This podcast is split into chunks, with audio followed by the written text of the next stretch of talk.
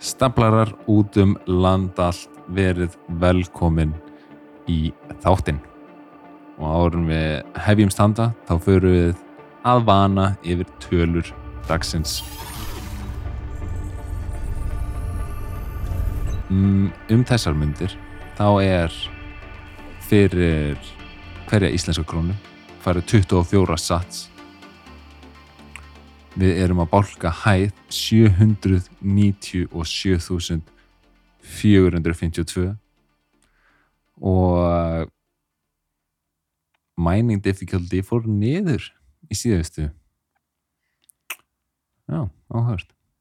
Mín púlið virðist vera að fara að tæmast en ég sendi færslu fyrir sex vikum síðan, gera upp við félagum Já, og ég setti fimm satt á bæt fýreitið þegar ég sendi fæslinu og hann var orðin mjög óþólumar ég, þú veist, ég gerði ég var sabi og ég kann ekki að ég var sabi að bömpa færslunni þar. Þannig að hún fari fljótar mm en ég var bara, heyri, verð bara rólegur. Þú veist, mín púli mun tæmast á endanum. Já, þú veist, þetta var þarna þegar ordinals dæmi var crazy og, og það var bara mjög dýrt að senda fæslur já, og hann sagði mér að þetta væri að fara bara í cold storage. En, þann, en síðan allt í enn eitthvað segist hann þurfa penningin ég bara verður rólu, verður rólu síðan núna bara fyrst í gær til sex vikur, þá bara fór það í gegn. Komslagsins. já, komst loksins. Núna er aðeins dýrari gerð, núna er 17 satt per byte fyrir medium priority samkvæmt mín púl og en já, það voru það voru hérna 5 set per byte að fara í gegn gerð en bara mikilvæg þess að þegar þú ert að byrja þá ertu ekki alveg að pæla í fýreitinu og þú borgar vanlega bara hæ en þú veist, ef þú ert bara að senda þetta í eh, cold storage og þér eða vinn, þú veist það er lítil ástæði fyrir að vera að borga eitthvað meira en 5 sat per byte eða hvað, mun mín púli bara fyllast og ekki tæmast aftur já, góð spurning. Ég, ég get ekki alveg svarað þessu. Nei, þetta er, þú veist, Matt O'Dell sem er hérna partur af Rabbit Hole Recap. Uh, þar sem þeir fara svona vikulega yfir er mjög, mjög gott podcast sem ég mælu með.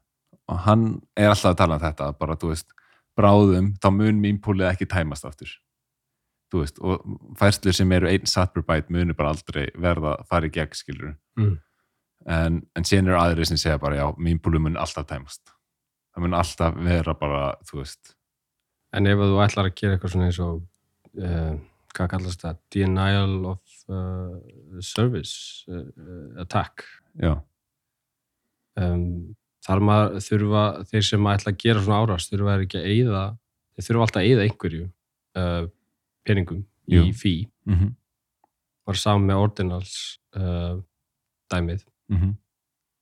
Þannig að það er vantilega að takmarka hvað þið geta um, í rauninni tróðið í hérna eitt blokk eða sem sagt í hérna um, eða sem sagt samina þessa árás mhm. það er takmarkað eða þú veist er það rétt skilja hjá mér? Já, ég meina það er alltaf að fara að kosta þá og þú veist, þeir geta haldið árásun áfram, en þú getur alltaf overbytta það, skilur þú Mm. getur alltaf, ef þeir eru að gera árás og eru bara að halda færslum í 50 satt per bæt, mm. þannig þú bara að borga 55 og þú er konin næsta borga. Já, en jú, og þess að, þú veist, þetta er mjög dýrt og, og eins og þetta ordinalstæmi verist það var svona allavega minka töluvert síðan þetta náði einhverju svona uh, hæpið hérna fyrir nokkrum vikum. Já, og lítur allt út fyrir að, að mennbúli sé aftur að fara að tæmast. En við munum halda hlustundum uh, uppfærðum á stöðu málana Já. og það var þar fylgjast með þessu. Um, er eitthvað svona fleiri skemmtilegar?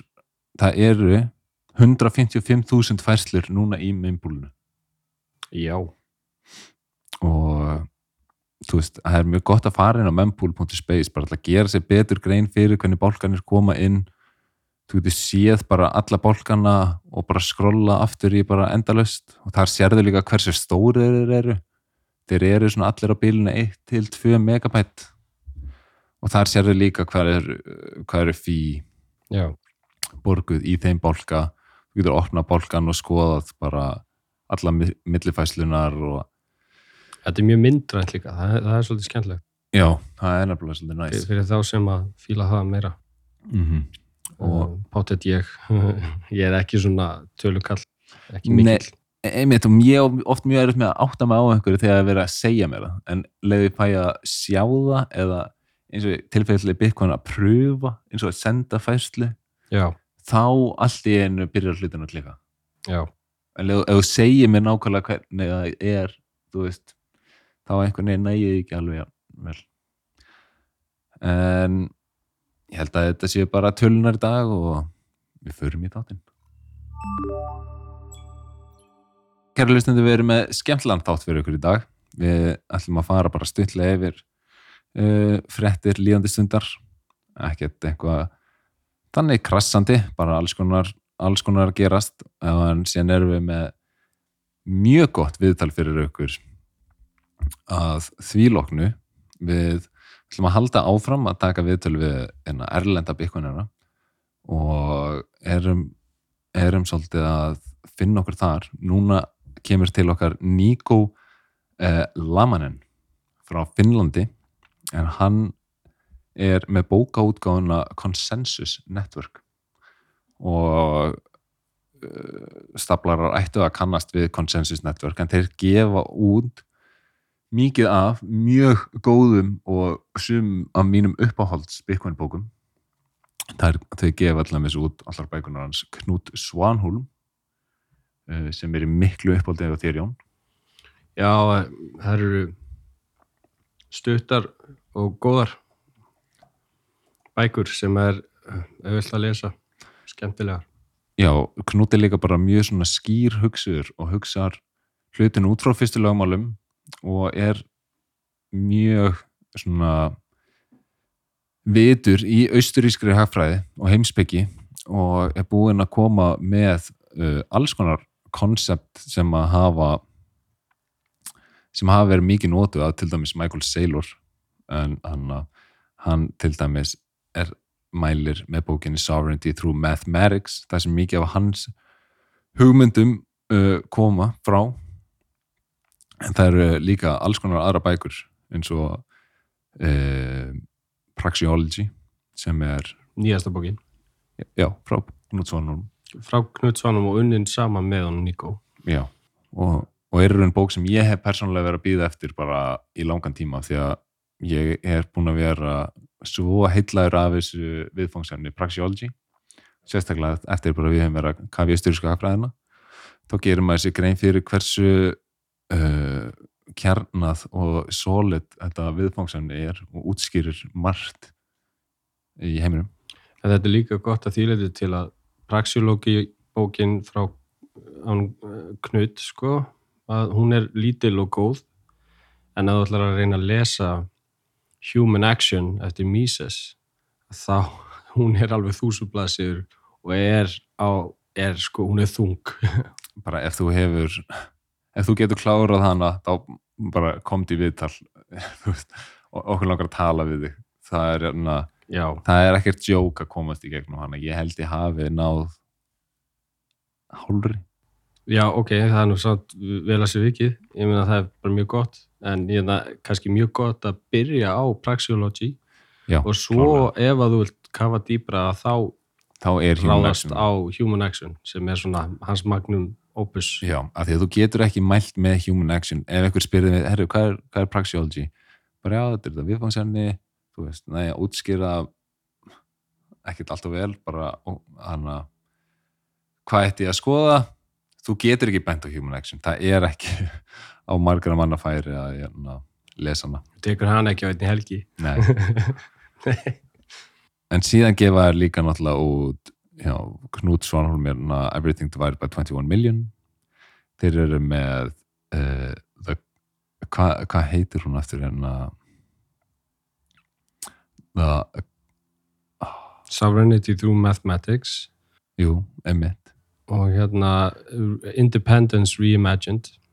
Já, og já, það eru þessar fjórar í hildina og góða við þessar bækur þær eru ekki alltaf langar og tungumálið er, er svona um, það er ekki, ekki allt of tæknilegt. Nei. þetta er hugsað svolítið fyrir svona skemmtilesning sko fyrir fólk. Einmitt. en lí, alveg samt, dýftin er alveg nægt til þess að maður bara svona þú veist, leggja bókina frá sér og hugsi bara, vá, er já, ég hef ekki hugsað svona. Einmitt, þannig að ég mæli með þessu og farið endilega á Consensus Network uh, síðuna og pantiði bók. Svo náttúrulega þurfum við að fá þessa bækur á íslensku þýttar, þetta, það var einmitt svona það sem ég tók úr spjallinu við já, var að bara við þurfum að gera á þetta og við þurfum að fá fleiri bækur á íslensku um Bitcoin og um austuríska hagfræði.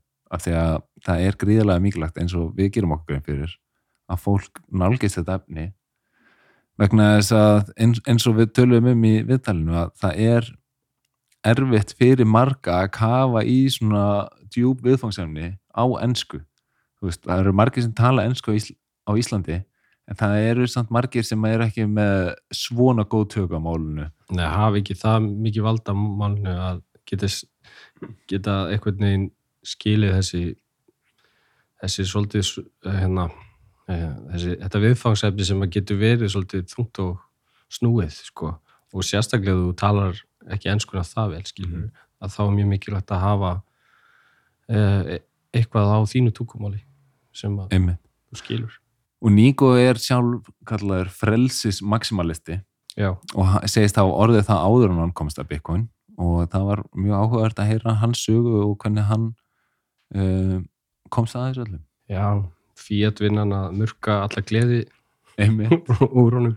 Þannig að hann Já, tók til sinna ráða. Já fór í bakboka ferðalag og í mm, eitt ár eða eitthvað svo leiðis og, og, og, og hérna þá þá fekk hann hérna smá svona smjörð ef af frelsi og, og vildi ekki snúa aftur sko. einmitt. Ég can't blame him en fréttir vikunar þetta er búið að vera mm, en ekki nú alltaf langt síðan við tókum síðast þátt en það er samtalið margt búið að gerast. Meðal annars fengu ETF sjóðinir sem við tölum um síðast höfnun eða, eða meira eins og aðtöðsamt það var ekki höfnun, það er fengu aðtöðsamt frá SEC um að nokkur atrið hafi ekki verið næ, nægilega útskýrð eða nægilega gert grein fyrir þeim. Og það hafði meðal annars að gera að það var ekki búið að nefna hvaða kauphöll eh, myndi við, eh, sem þau myndi vera að stýðast við.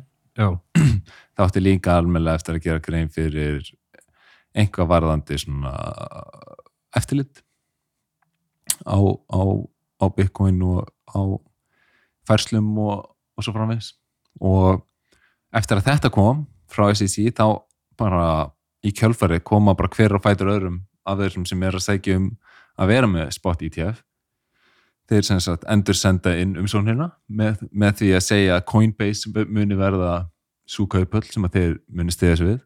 Já. og nú er verið að býða bara eftir svara. Getur, ég var útskýrt aðeins fyrir mér af því að ég man nú ekki hvað, hvað stendur ég ETF fyrir. ETF stendur fyrir uh, Exchange Traded Fund. Já, þannig að þetta er svona sjóður sem þú getur keift í á kaupöllum já, og það sem sjóðurum gerir er bara að halda á einhvern veginn ákveðni ráfur einhverju sáveru, einhverju eign. Já, þannig að þú veist, þú getur keift í þú getur keift í gull ETF Já, og þá ert þú að, þá kaupir þú gull og þá er á föndin sem sagt, að kaupa gull til að til að mattsa þá. Þetta gerir kleift fyrir að uh, fjárfesta í alls konar alls konar ráðurum á kaupöllum. og sem sagt og þá færði eitthvað hagnað þú kannski ef það ríkur upp að getur þú selt. Já, já, það er bara beintengt við verðið á, á því sem þú ert að kaupi og Já. þú veist, þú getur notað þetta í allskins tilgangi Mm. en, en þetta er oft af því að mikið af svona lífeyrissjóðum og ríkistjórnum eh, er ekki með endilega gott þú veist, aðgengi eða la- lagalega ramma til þess að kaupa til dæmis bara bitcoin og halda sjálfa bitcoin. En þannig að þetta mun gera mörgum klift fyrir því að, að geta myndastöðu og sérstaklega svona eins og ég segi, stærri lífeyrissjóðum stærri sjóðum. En síðan náttúrulega mikið deilt um bara hvort að hvort að þessi þróun séu jákvæð. Um, það hafa verið nú umræður hérna í Bitcoin byltingunni uh, og meðal annars hérna Duggi, já, hann kemur uh, Duggi Dugg, kemur með punkt hérna að svo ertu að fagna því að BlackRock sé að fara að kaupa Bitcoin. Ef einhverjum er skýtsamum velferð uh, fátakra barna í Afriku þá er það BlackRock. Hver centralized verður Bitcoin þegar BlackRock og MicroStrategy eigi orðið stóran hlut af öllu Bitcoin í heiminum. Það að fagna BlackRock er eins og að fagna því að plánutur eigðist af því að nú áttu nú af því að þú átt testaður hlutabrif eitt eina Star Wars reference hjá honum. En áhugaverður punktur og, og þú veist. Death Star uh, hvað sagði, Death, Death Star? Nei, að þetta væri svipað og að fagna það að fagna BlackRock er eins og að fagna því að plánetur eyðast af því að þú átt Death Star hlutabrif þetta er svolítið hvað Þetta er svolítið, þetta er svolítið fyndið. Þetta er svolítið fyndið, og, en maður, þetta er gott að velta þessu fyrir sér. Já, og, að, og að BlackRock séu þú veist, er það gott eða slæmt ég myndi segja að BlackRock sé að koma í Bitcoin og þessi stóri sjóður sé að koma í Bitcoin sé algjörlega óhjákvæmilegt Mm. og þetta var alltaf að fara að gerast mm. svo er ég, vill ég bara svona benda á það að í Bitcoin þá er hver nóða sinn frjáls í raun og veru sælabanki, ef þú vilt og þú ræður hvaða uppfærslu af Bitcoin þú keirir Mm. og það skiptir ekki máli þótt einhver önnur nóða eigi fáranlega mikið af Bitcoin. Hún hefur líka bara sitt sem sín nóða, hún ræður hvaða uppfærslu hún keirir Mhm. þannig að þannig að skiptir ekki máli hvað þú átt mörg Bitcoin. Þú hefur samt alltaf bara þú veist það atkvæði, þú, það, er, Mhm. það er ekki því fleiri Bitcoin því fleiri atkvæði Nei, mitt, það er, er, er þetta ekki svolítið líkil munur? Ég meina, eitt aðkvæði, einn nóða. Jú, og hún er bara, þú veist, hún getur gert bara þess, þú veist, það sem að hún vil gera. Náttúrulega Michael Saylor sem að með MicroStrategy, Hann getur ekki þvinga neina uppfærslu á þig, sama Nei. hvað hann á mörg Bitcoin. Bitcoin. Já. Þannig hann er ennþá bara ein, just another node on a network, eins og þeir Einmitt. segja. Þú veist, þótt þess að Tosi kemur eftir. Hann væri samt bara just another node on the network. Já, með headlings Bitcoin. Já, en, en, En samt. en samt e, þú veist, og það að eiga hellings bitcoin eru engin lofvort um að eiga fleiri bitcoin í framtíðinni þú þarft að, þú veist fjárfesta því fjármagni á, þú veist, mjög skilvirkan hátt til, Mhm. þess, að, til þess að auka og flestir munu hægt og rólega blæða í burtu bitcoinin sinum Mm til, til uh, skilvirkari aðla og þannig bara Er þetta ekki líka svolítið að dreifast núna? Þú veist, einhvern veginn, þeir Jú. sem eru með undir eitt Bitcoin eða jafnvel hálft uh, Bitcoin á veski er, er einhvern veginn svona aukast út um allan heim. Veist, að, að hérna þannig að, þú veist, dreifingin er, er svona, þú veist, hún er að gerast, þú veist, og, og líka bara fólk sem er að halda, að hodla, skilur, Mhm. spara, spara. En síðan er líka komið upp eins og það var mikið hæp hér áður, áður á, árum áður um eins og gull ETF Já. þegar það kom.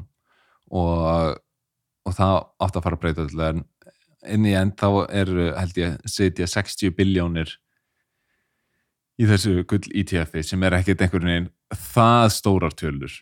Og það er svona spurning bara verður veist, verður það mikill áhugi fyrir eh, Bitcoin ETF ég veit ekki. Ég held það af því að ég held að Bitcoin sé bara miklu betri vara heldur en uh, gull Mm einfallega vegna þess að það er þú veist, engin verðbólga í, í Bitcoin það, -hmm. veist, en gull er alveg 2% verðbólga á ári Já. og, og, gull er líka málmur sem er erfitt að geima og færa á milli þú veist, Bitcoin, er, er betri peningur í alla staði Mhm. og ég held að það sé mikill áhugi fyrir því að að setja þetta upp, annars væri náttúrulega þess- þessi sjóður eins og BlackRock ekki að keppast á eftir því.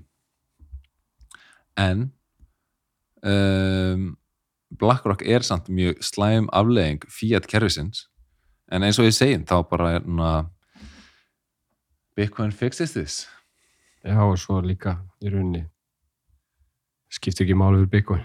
Það er svona þannilega að sé sko. það er bara heldur áfram. Þa, það bara heldur áfram Já. og það kemur í veg fyrir uh, að sjóður eins og BlackRock geti yfir höfuð orðið til.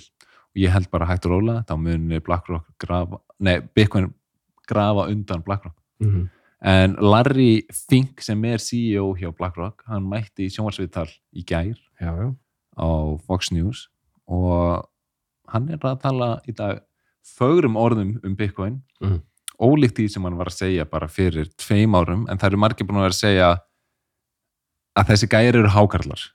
Þú veist, þeir, þeir segja fyrir tveimur árum ekki kaupa Bitcoin Bitcoin er, er bara, þú veist Ponzi scheme, ég veit ekki hvort hann sagði það nákvæmlega, en hann talaði niður Bitcoin fyrir tveim, tveim árum. En var hann að gera það viljandi til að til að reyna að fá verðið á Bitcoin til að lækka til að þeir gæti mynda sér stöðu áður en þeir svo gefa út þetta ETF góð spurning, hver veit? Það er áhugavert. En þetta er alltaf að hafa verið pælingar en á sem maður hefur séð en á nosturinu ég ætla að spila smá búta af þessum þessum frettu í gær. And also, I do believe the role of crypto is um, it is it, it it's digitizing gold in many ways. It's a it's a instead of investing in gold as a hedge against inflation, a hedge against the uh, the onerous problems of any one country or or the or the devaluation of your currency, whatever country you're in. Um, let's be clear Bitcoin is an international asset. It's not based on any one currency. And so it, it, it can represent a asset that people can play as an alternative. I would call the, the foundation of BlackRock is about hope. You invest for retirement because you believe tomorrow is better than today. áhugavert Já.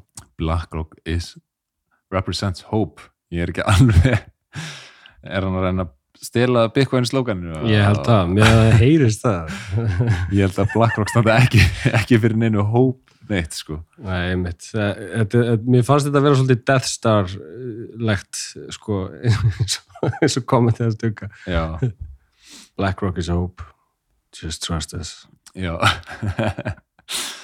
En en líka enn á Íslandi hafa verið ím, ímismál í gangi. Uh, Íslandsbanki sektaður um nokkra miljardar sögum um, þessa þessi hlutabrif sem að ríki seldi. Já. og bara áhugavert að sjá hvernig landin tekur í þetta. Og þú veist ég veit það ekki, það er orðið bara svo basic að það sé einhvers konar siðleysi í gangi á þessum, á þessum mörkuðum. Og, Þetta er orðið bara nýtt normal, að, að, veist, og fólki er samt alveg er, virðist samt alveg að brjála yfir því en eru ekki tilbúin að opna á nýja laust og þetta er mjög svona áhugavert uh, að sjá þetta hvernig þú veist þú sjá að, að þetta peningakerfi er meingallað og, og svona rótið og þjónar aðalega það sem við köllum cantillionaires Mhm. eða þeim sem er sitja nálagt peningaprentaranum Já, en þau eru samt ekki tilbúin að líta á uh, laust eins og Bitcoin Nei, líka, ef að þú, ef þú vilt, þú vilt alltaf halda í þessu völd, sko, peninga, um, þú hefur völd með því að kontrollera stjórna peningun. Þannig að það er kannski ekki skrítið að þessi öfl þau, einhvern veginn ringist eða þess að sapna saman í kringum svona, svona lagað og, og hérna og þegar eitthvað, eitthvað laust sem að jafnvel er alveg ótrúleg eins og Bitcoin um, þá er einmitt mjög erfitt fyrir suma að, að samþykja hana því að þau þurfa þá bara að, að, að sko vinna bara eins og við. Þau fá ekkert frít, svona free, free lunch. Einmitt. Mm. Já, og það er það er svolítið þannig sko. Já, ég veit í rauninni ekki hvað ég á að segja annað um þetta. Þetta er bara, mér finnst þetta bara þetta kemur ekkert óvart í rauninni, það er voðalega lítið núna sem kemur óvart með þetta hvað þetta var já það, er, það er sama hér og ég er búin að vera að gera svona í því að senda á, á þá sem hafa verið að tala um þetta mál á Twitter. Eða Bitcoin lagar þetta og fengið svona ímis ímis uh, svör við því. Flest svona mjög fólk mjög vafasamt og og telur Bitcoin vera, vera skem en við gerum okkur náttúrulega grein fyrir að, að Bitcoin er bara besti peningur á, á plánundinu og það er ekki hægt að búa til fleiri Bitcoin. Þannig að þetta er sangjarnara kerfi og kemur í veg fyrir líka að hérna hvernig, hvernig getur Bitcoin verið skam en núverandi fjármálakerfi ekki verið skam ég, ég, veist, ég, ég skil ekki hennar hugsun sko. Það er kannski svolítið srókafullt að segja þetta en ég, ég, ég bara er alveg gátt að stundum yfir því að fólk sjáu ekki það sem er að gerast núna á Íslandsbanka Þú ert náttúrulega búin að vera dáleitur svolítið Já. inn í þetta kerfi bara frá því og vast í grunnskóla að þá ertu bara stimplar inn í þetta kerfi og í gegnum fjöl, fjölmiðla, fjölmiðlana þar sem þú færð eða fjækst allar þínar helstu upplýsingar það er bara verið að segja allt neikvægt um Bitcoin allar fréttir sem komum Bitcoin eru neikvæðar og, og síðan oft gert svona lítið úr úr fjármálusökum innan fiat-kerfisins já, Eh, einmitt, first they first they, byrju hvernig var þetta? First they ignore you then they uh, uh, laugh at you then they get mad at you eitthvað svo leiðis Já, then they fight you then they fight you. Then ég, ég, ég man þetta ekki nákvæmlega. Þetta var einhvern veginn svona. Einmitt. fyrst þetta hunsað og svo, svo hlæjar að þeir og svo, svo verða þeir reyðir. og svo byrja þeir bókstæðlega að hérna ráðast á þig sko. En ég meina, svo gefast þér upp. Svo gefast þeir upp. Það kemur svo tími, þeir gefast upp Já, það kemur. Mm. en meira var það ekki í þessa vikuna. Um, þannig að ég held að sé bara að koma að að tune inn á okkar mann Níko yes. ég held að þið muni njóta viðtal við Niko, mikill og við heyrum í ykkur eftir viðtali Now, for our guest, we would like to proudly welcome Niko Laamanen to our Bitcoin Byltingin podcast. Niko is educated as a construction engineer who decided he'd had enough of the fiat hamster wheel and founded the Konsensus Network, a publishing house for Bitcoin literature and a network of translators from all over the globe who volunteer to translate Bitcoin books and other related literature into their native language. Welcome, Niko. Ivar and I are honored to have you. Thank you, Ivar. Thank you, Jón. Pleasure to be here. Awesome. I- I'm just going to dive right in and ask the first question. Could you tell us, Niko, um, a little bit about your journey from a construction engineer to becoming a Bitcoiner and an entrepreneur? Sure. So it goes back as far as 2011 when I, I became a freedom maximalist. I have heard of Bitcoin by that, but uh, I didn't understand it. So that actually didn't play any part in the transformation. What did play a huge part was uh, the realization how much the, the state was stealing from us. I'm from Finland, so we have progressive taxation. So the more I worked, the more they took and uh, the less energy I had, the less time I had to spend the little uh, money that I was making by working my ass off. So it just didn't make sense, and uh, I got tired of it, and I, I took a one year sabbatical of of my work and sold everything and went went on traveling for about a year. Hmm. Um, I, I took a train from from Helsinki to Kuala Lumpur, uh, train and buses. There's uh, in Cambodia, there's no functional train track, so I had to use buses as well. Hmm. But that was kind of like the the pivotal moment when I became Yeah. a freedom maximalist. Once I didn't own anything, I felt like you know everything I owned fit in my backpack. That was the level of liberation that I've never felt in my life. So there was no attachments, no nothing, no no rental lease, no possessions apart from what I what I could fit in my backpack. So I never felt that free in my life. And looking back, that's the moment when I realized that I can't go back. Like I'm not going to give away that liberty anymore. but that was pre Bitcoin. Like Bitcoin was, of course, when when things took uh, took to the overdrive, so to speak, like around 2017. I mean, after I got back from my trip, I, I started my own company, which was a, a big upgrade from from working for somebody else to at least working for myself. So it, it gave me a little bit more more freedom, and I, I kept traveling and uh, working working on my laptop from anywhere. So uh, th- that already was was kind of like way better for me in terms of freedom. But still, Right. there was these big issues that I saw in the world, uh, inflation, and fiat money in general. I just didn't see like a very very positive outlook for the world. So it made me kind of depressed and sad. So Right. I spent a lot of my time just you know, playing video games, drinking, and and all that kind of stuff to just numb the ba- pain.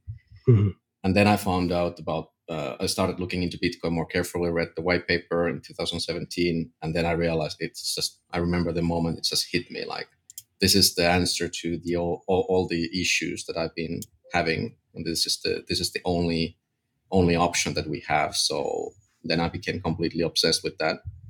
Um, started started learning and consuming content. Started educating other people. Took my shitcoin road, of course. Uh, ex- expensive uh, dues there. It happens to the best of us. It, it, it tends to happen, yes.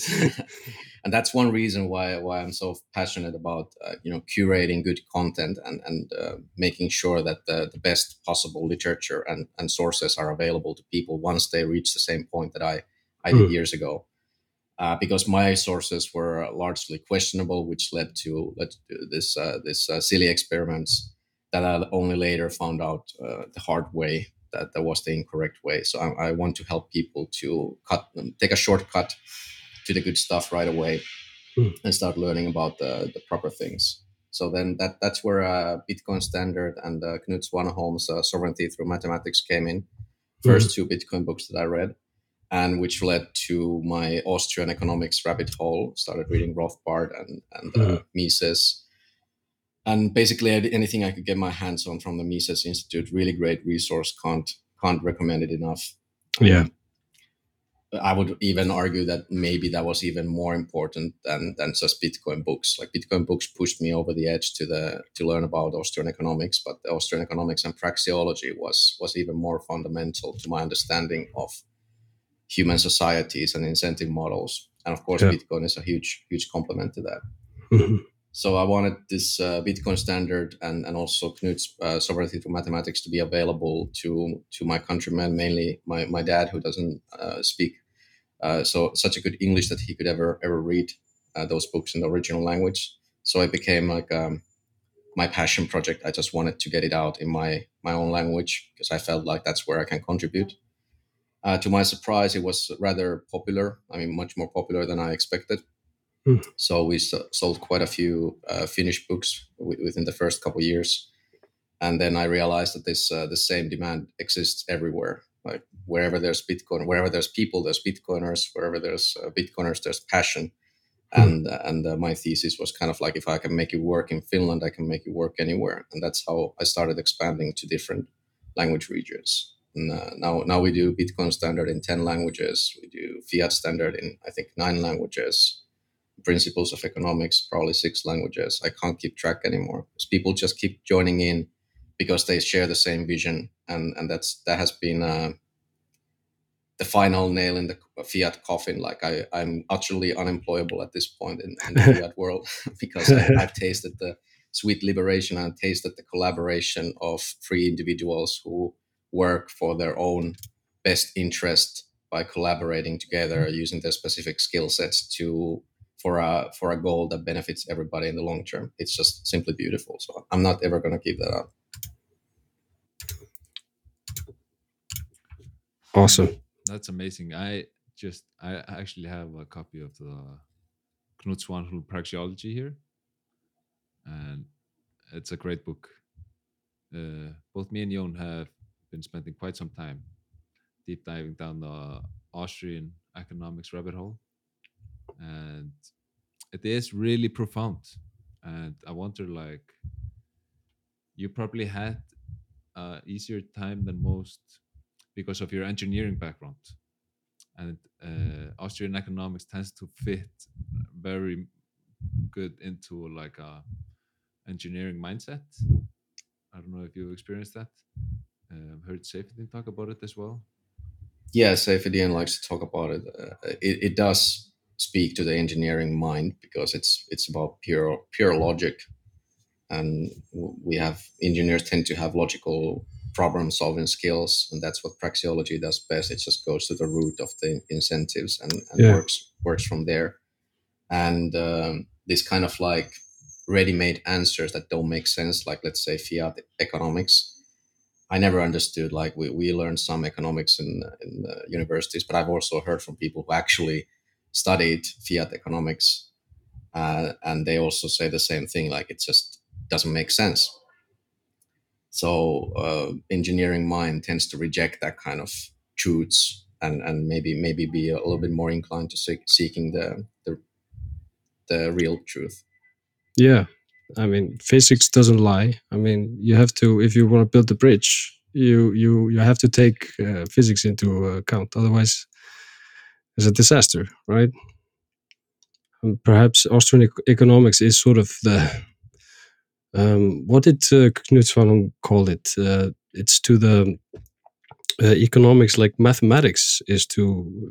Uh, I, I might be butchering this, but uh, he had a sentence like this that it uh, comparing it to sort of um, to the objective. It's it's the to the subjective. It's it's like mathematics basically, something like this. I might be paraphrasing a lot, but do you understand?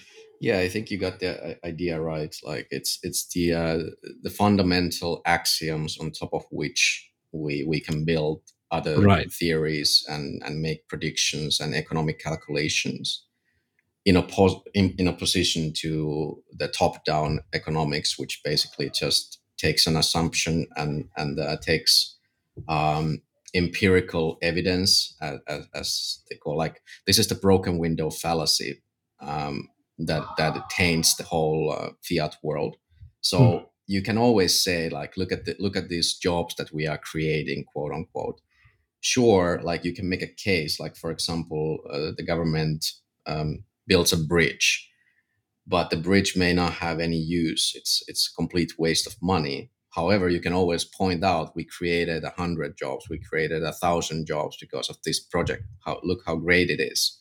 Hmm. but the broken window fallacy is like you're, you're just focusing on uh, creating a job. By breaking a window you're focusing on creating a job for the window maker. But you Hmm. neglect the unseen effects like what what would have the owner of the window done with the money had he not to have replaced his window. So he could have bought a, a fur coat for his wife or whatever creating jobs that way. So so it's it's like um it's full of half truths like this- Yeah. it, it makes sense on the surface but once you uh, start to dwell a little bit deeper you realize that you cannot possibly calculate all the possible outcomes of human action. That's what praxeology is all about. The broken window fallacy. It, yeah, it's when you word it like that, it's it's it sounds almost like madness. You know. Right. Yeah, but that that's that's the world we live in. Like that's uh, you know, listen to any politicians. They always are eager to to point out the the great things that made happen, but uh, less less eager to analyze the possible things that they foregone, the opportunity cost to make those wonderful things happen. So it's all like uh, positive uh, reinforcement of their own regimes, and completely neglecting the the negative.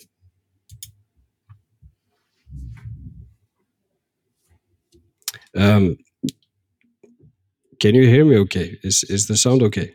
Is yeah, there the sound is fine. Uh, Okay. Ivar is a little bit quiet, quieter though. I don't know if there's some some issue with Okay. the mic levels. Go check. Maybe it's better now. Yeah, it's good now. Yeah. Um, could I ask you, like, now we're calling you from Iceland, um, Finland and Iceland. We are small countries. Um, you're bigger than us, but uh, we have our own language, uh, which we are very fond of, I think. And whenever we Icelanders and uh, Finnish people are at some Nordic meeting, it's there's a trend. Uh, the Icelanders sort of stick with the Finnish people because uh, they don't speak that well Danish, and Finnish don't speak Swedish that well in general. But these are we, we have our own language we are very proud of. um, how important is it uh, to like have literature like Bitcoin literature and Austrian economic literature in your own native language? Is it that important, or I mean, you you just answered it in the beginning, but uh, could you elaborate a little bit on like how important it is to have it in your native language? It is extremely important, and uh, it, it's an underappreciated thing globally. Like most of the best literature available right now is is in English, or it's at least written in English. E- even the the thinkers that are from a different country, like for example Mises, uh, wrote in English, even though uh, he was thinking in in German. Uh, so there there's a lot of value. Like let's let, let's uh, realistically, most of the people in the world do not speak English at the level that they could possibly comprehend com- uh, complex topics. So there's that. So most people in the world do not speak English. Uh, it's it's fair to say, even though it's the most uh, widely understood language. However, there's a lot of nuance uh, that goes into these topics. And what I found while translating, for example, Bitcoin Standard and other, other these uh, other uh, these more complex topics, um, oftentimes we have to actually invent the language. Like in Finnish, we had to invent words that simply were not there to explain the ideas. And uh, that's a tall order to place. Like you have to have a really good command of english to be able to tackle the tackle the ideas. Maybe you can understand some of it but you certainly cannot understand all of it. Uh, so i think i think it's much more important than people give give credit for it's probably also because the markets are, tend to be very small like finland we have five five and a half million people maybe in the world speaking it so the market is quite small um, same goes for most languages. Um, yeah, however, like I, I, like to call them flavor languages. Like uh, English is a very utilitarian language. Like it, it, provides the utility, and that's why it's it's right. become the language standard. But then you have these flavorful languages, which which is the language of your heart, the language of your soul. So you it resonates very differently if the translation is done correctly. And I like to talk about transformation rather than translation, by the way, because translation is like uh, if you do word to word, like for example, Saifedean's word uh, sentences are really long and convoluted, and I really like his style. But those right. are really, really difficult to translate. Like if you do word to word, it becomes re- almost unreadable in most languages.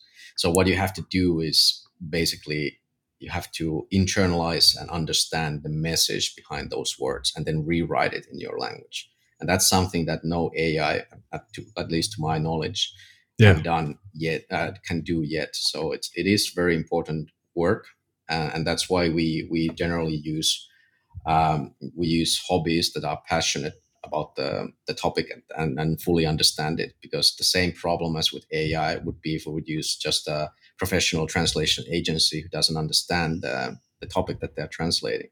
You know what I'm saying? Like, yeah, you you, you kind of have to rewrite the idea uh, without without changing the idea, but communicating it in a way that is culturally appropriate, and and um, using uh, figures of speech that are found, you know, are found in that language. Like you can't change puns and figures of speech from English directly. Yeah. Like you have to the nuance. Something. Yeah, the nuance is lost in yeah, translation. Exactly. I I couldn't agree with you more. I think it's uh, it, I, I I completely agree. I think it's uh, and I like the fact that you use the word flavor because uh, that's kind of what it's like. You know, um, the flavor of a language, and they're very different.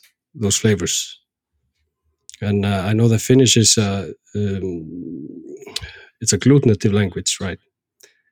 you stick uh, the word sort of uh, you have prefix suffix and you, ha you have no gender in the language yeah um, I, I studied medicine in hungary and we had to learn some hungarian i know it's not completely uh, it's not it's very very probably distantly related to finnish but they have the same and uh, yeah and their language is very logical very efficient you know you could you could squeeze a lot of information into a few words yes so uh, it's fascinating.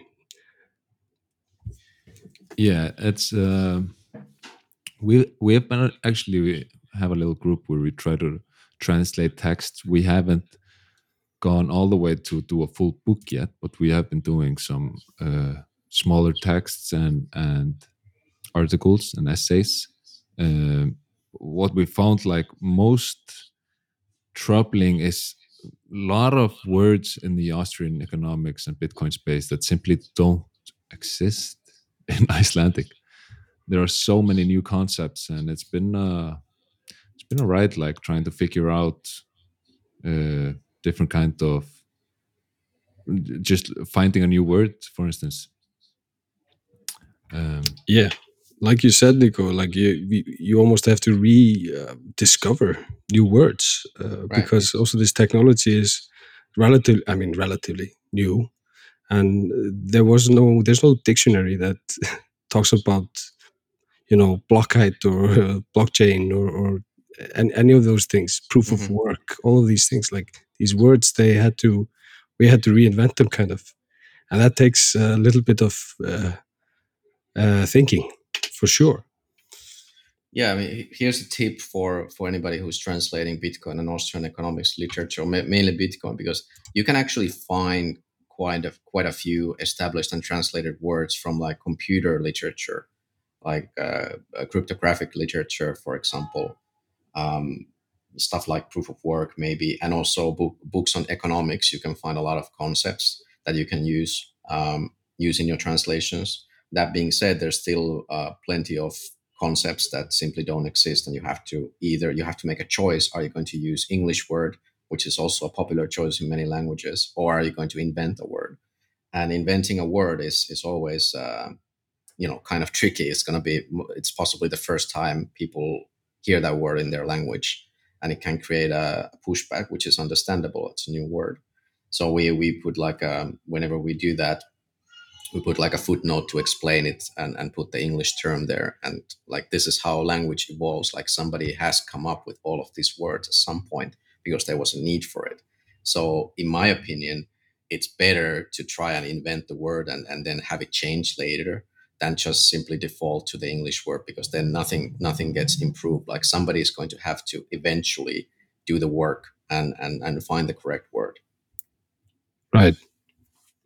Absolutely and i mean we, we've used some um, dictionaries uh, for exactly this. I mean computer words uh, and for programmers you know terms. But this becomes quickly like very jargony you know um, very specific. But uh, there's definitely yeah that's a good tip for sure. But uh, i have one question about i I really want to ask you now about the Konsensus Network. And uh, you base it on this uh, thing you call the starfish model right um, could you elaborate or explain a little bit what the starfish model is Sure. Th- This is um one of my favorite topics to talk. This is usually what I what I talk when people ask me to talk about something, great and it's not something that uh, I invented. Um, maybe maybe um, I'm, I'm trying to popularize the idea, especially within Bitcoiners, because the way I see it, Bitcoiners are the quintessential starfish organization, and I'll explain why. Uh, well, first of all, a book recommendation: Starfish and Spider: The Unstoppable Power of Leaderless Organizations.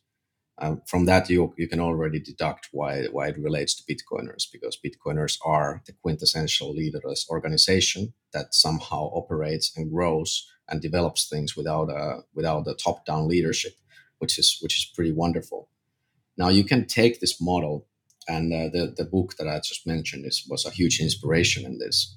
Uh, basic idea is that if you have an in, a strong ideology that that resonates within people, so essentially something that people would be willing to work for free, P- uh, something that people feel passionately about, such as Bitcoin education, um, then you don't have to worry about hiring people and and people are not expecting to get paid because the payment is the job itself.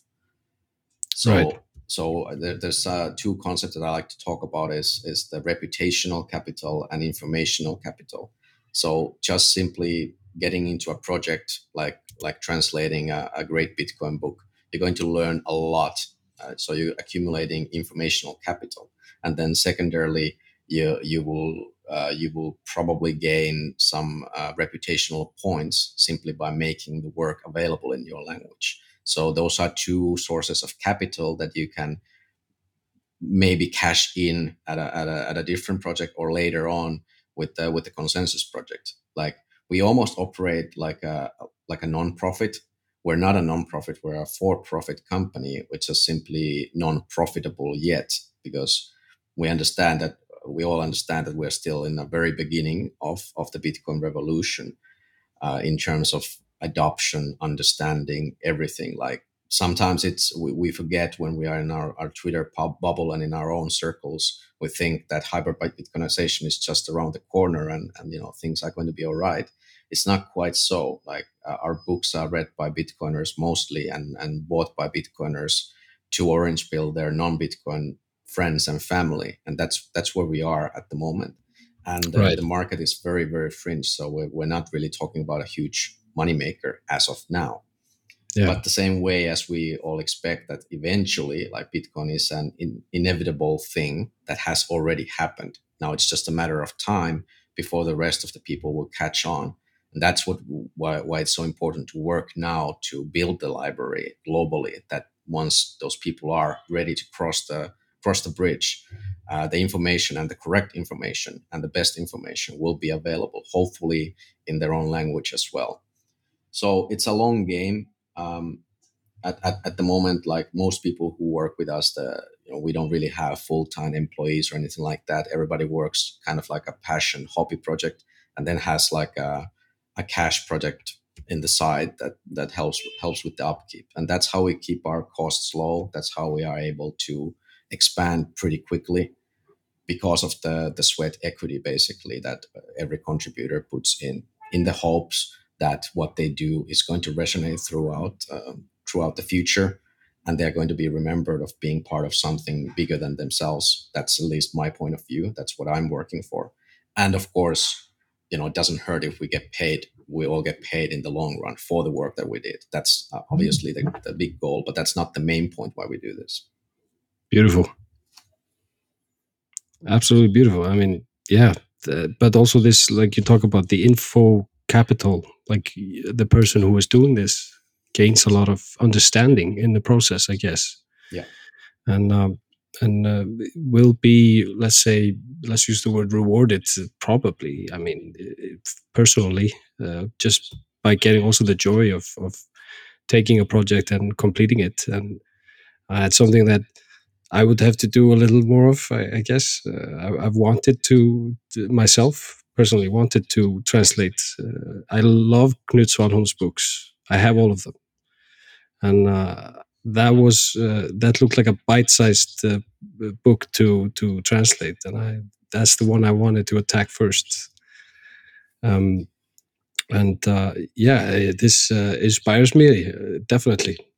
Hearing Yeah, this, that's, that's a great choice. Knut Svanholm's books are really uh, easygoing and, and so easier to translate than most. They're quite short as well and, and quite enjoyable and fun. Uh, so, yeah, I, I recommend those books definitely.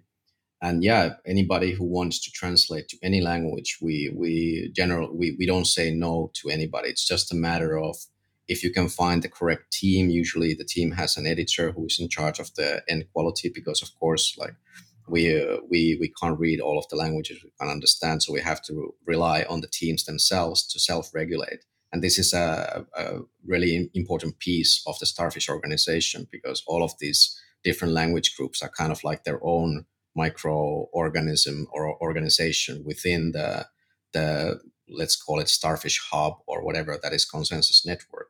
That is from the heart of course a centralized uh, a business and, and and a company that is run by me. But that doesn't mean that you know I'm I'm going to be meddling with all of these different starfish that just join in and use the resources that we created to, like for example, Knut's books, Sife's books. We have templates for all of those, so those can be repurposed. Uh, for any language. So, really, all we need is just a motivated team who is going to do the content, and then we can just take it from there, pop it into our template, and push it out as a book. And then another question is, of course, how many books can we pre-sell so we can cover the printing costs and stuff like that. So, but the, but the cost structure is, is is quite low. So the the major thing is to just find simply finding the team and the uh, the people who are willing to put their sweat to actually make the content. And once we have the content, it, it becomes a trivial thing for us to publish. Right. Um, but, but you do accept, of course, Bitcoin or Lightning uh, payments for, for for the books. Yes, Uh, since 2019, when when we started from the first book, we we've already accepted Lightning. So that that has been uh, that's one of the the key goals as well that I want to see uh, and and and to teach people how easy it is to accept Bitcoin for payments and how it's the best payment system both for merchants and and and uh, and know, consumers as well. And that's why we've been giving this uh, 10% Bitcoin discount to encourage people to to maybe if they're stacking, then get a little bit extra, and then buy a Mm. book and take advantage of the 10% discount just to just to get your feet wet. Usually, once people try their first Bitcoin payment, a lot of people made their first Bitcoin payment with us. And, and it's so wonderful to hear them so like oh wow Yeah. that was that was so easy like it's the easiest way to make a payment and I, I want more people to see that. At the moment, I think we, we're around um, thirty percent, maybe a little bit more. That was twenty one every third purchase in our shop. uh, wow, that's actually Book higher shop. than I would have thought. Yeah, that's pretty good actually. I mean, Yeah, I'm pretty happy with that number. And uh, yeah, since we, you know, in 21 we moved to our own self-hosted BTCPay server. Before that, we used OpenNode. Also, by the way, great great option for anybody who's thinking to try uh, to receive uh, to accept Bitcoin payments. It's a custodian service, but um, you know you can get you can get plugins easily for your web shop and get started uh, accepting Lightning. And they also give you free processing for the first 10 10,000 euros, I believe. So uh, I'm really happy with that um, product. Recommend it. But uh, at the more at, at later when you get more comfortable, you probably want to move to a self-hosted um, service. right. Yeah, I actually made a purchase on the Konsensus Network for my praxeology books, and it every time it's as amazing. The transaction goes through immediately, and and there is no trouble. Like I feel like every time I put in my credit card information, there is some kind of error or billing isn't rightly put in or doesn't match Yeah, I the mean- credit card or Yeah, same here. Like it's it's uh, 20, 2023 and I don't expect to fill like five different fields to make a payment online. Yeah, like it's- especially after using Bitcoin, it just seems so silly. And, uh, I- How I can you go back? understand- You know. yeah, I mean, I understand that you know people want to get rid of if they have fiat. Of course, it, it, it makes sense to use the the worst money first and and save your sats. I get it. That's why we give the di- a discount, so so to encourage people to do that. But yeah, I'm pretty happy with the numbers so far. Like seventy percent fiat, I can live with that, and it, it's getting less and less. Yeah, and I al- also uh, second what you said about OpenNode. Uh, I have it set up for uh, my online shop, little online shop I have here in Iceland, and it couldn't be easier. It's literally a It's click so and easy. go, and it's just you you can accept Lightning or on chain, and it's just just works very very simple. and it has a point of sale in the browser as well like uh, I've, I've been helping like some meat space merchants as well like restaurants and stuff to set up the open node and oftentimes the main concern for them is like how do i turn it into quote unquote real money so they, they, I mean, they still want, to, want, the, want the option to have euros but OpenNode provides that because they, they have like auto conversion. Like you can just choose to keep half in bitcoin and auto convert half to euros and have it deposit once a week to your bank account. I mean it's just there's no option in my opinion that i know that that would be easier to set up for anybody who wants to give it a shot. I'm interested in how the like public sentiment it is in Finland. I I bet that uh, both of us being from like the Nordic countries, it's extremely left leaning, and we get a lot of pushback in Iceland uh, on Bitcoin. People worried about environmental disasters or that how are you going to run society if you can't tax people?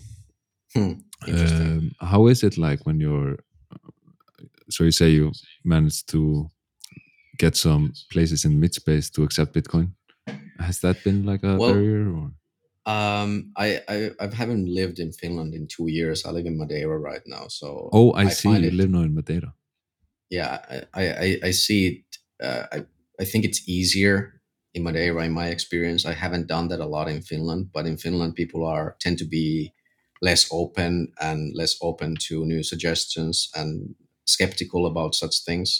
And as you said, left leaning. And uh, of course, the media does a wonderful job to to uh, kind of stoke that flame and, and keep people from getting interested in it because of environmental dangers or whatever. Which, I, by the way, I found funny if that narrative is in Iceland as well, because isn't Iceland like 100% geothermal?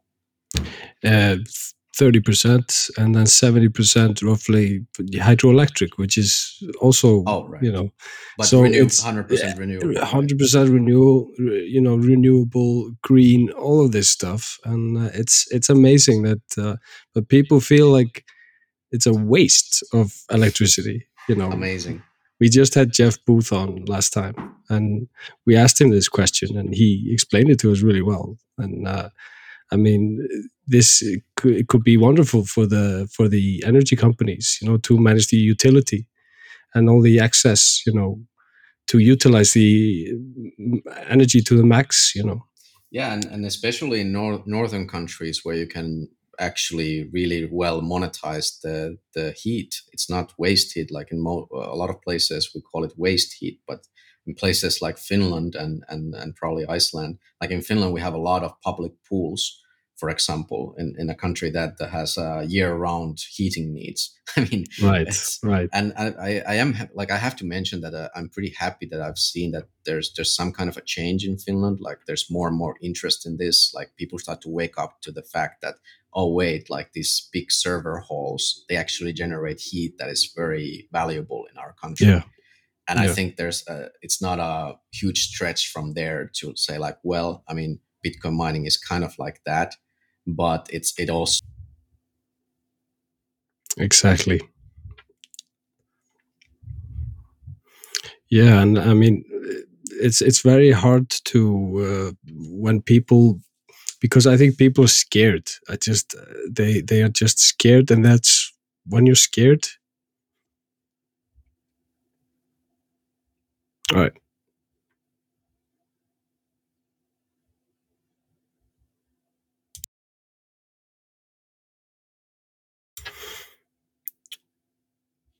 Ivar, do you see anything? You're muted, Ivar. Sorry, yeah, I see it. It's my second time using, or our second time using Riverside. So uh, it says restart the browser, free some hard disk space, and avoid incognito mode because it does uh, save a file on your computer and then re-uploads it for best quality. Um,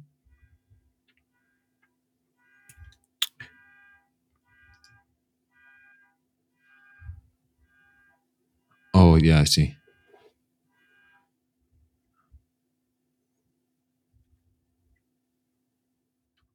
Yeah, no problem. Yeah, No, no problem. Minute thirty-five. Let's just mark it down.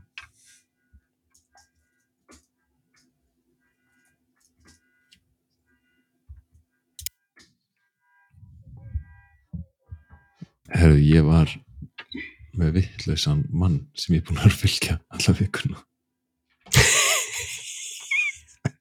Ok. Kekja. Sorry. Það er svolítið fyrir.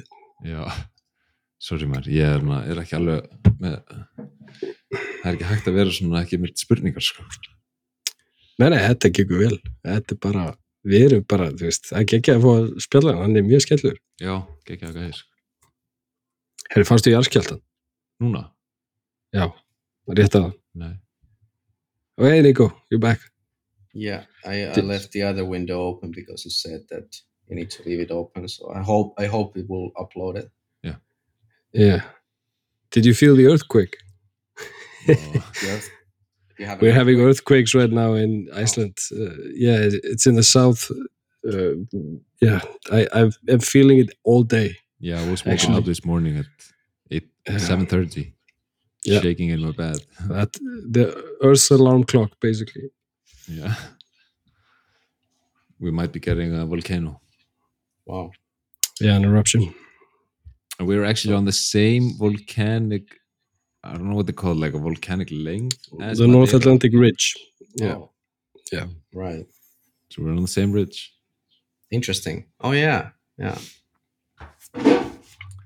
Okay. Yeah, Iceland is being pulled apart. Yeah. Anyway, sorry. where where were we?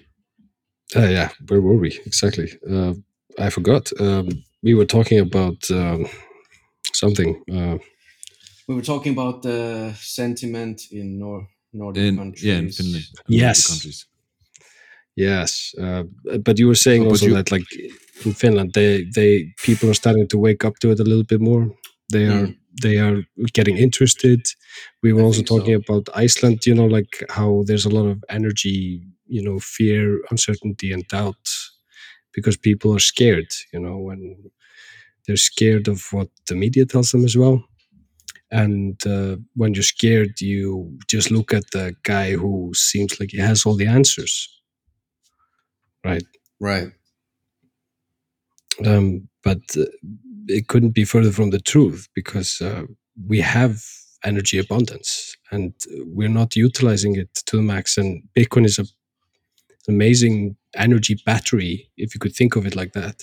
hmm and um, um, but however mo- per capita this is something that icelanders love to say per capita the um, hash rate coming from iceland is quite high. So there are bitcoin miners here lots of them and they are utilizing this energy. And it makes sense to have them here because it's relatively cool climate and cheap renewable energy and electricity Yeah, to me it makes perfect sense.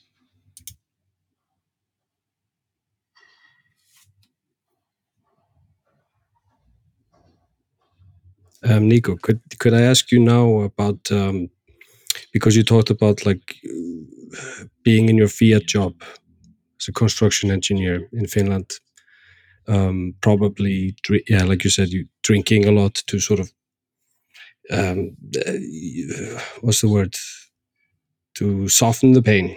Yeah. Uh, numb we, the pain. numb the pain. Yeah, that's the word. And um, do you? And then you left, and you probably at that time you couldn't really put your finger on what- what it was. But do you have any advice for people who are still grinding in their fiat life? Do you have any advice for them how they could possibly work towards building the future they want to see, or a more fair future? Yes, and and first of all, if you're listening to this podcast, chances are you're you're already into Bitcoin, so you already have a head start over majority of the world. So congrats on that. I, I didn't have that when I became a freedom maximalist, but even if you don't have Bitcoin or you don't know anything about Bitcoin, you can still become a freedom maximalist. And I think that's I maintain that that's the that's the true rabbit hole. Like that's that's what Bitcoin makes it it makes it easier to detach uh, from anything that you thought that is necessary, that you thought that you need to do, like this, all, all of these are oughts, oughts to do that are imposed on you that are not truly re- uh, coming from within. So in a way, like do whatever you want. And how do you do that? Well, usually people think like, okay, when I get rich, then I can do whatever I want, then I don't have to go to work and stuff like that. That's the that's the naive and childish dream that well, maybe most of us had at some point. Right. But what is even easier to become rich is to consume less. And that's that's the main revelation that I wanna wanna stress that once I realized that I didn't need all those video game consoles and, and fancy toys and you know I didn't need those uh, drinking trips and and uh, like op- opulent uh, alpine skiing trips and whatever I, I wa- uh, used the money for. I didn't need any of those. Once once I set on, on the road with just my backpack, I, I had everything I needed in my in my backpack. So kind of like a minimalist life set, uh, li- li- lifestyle and a mindset.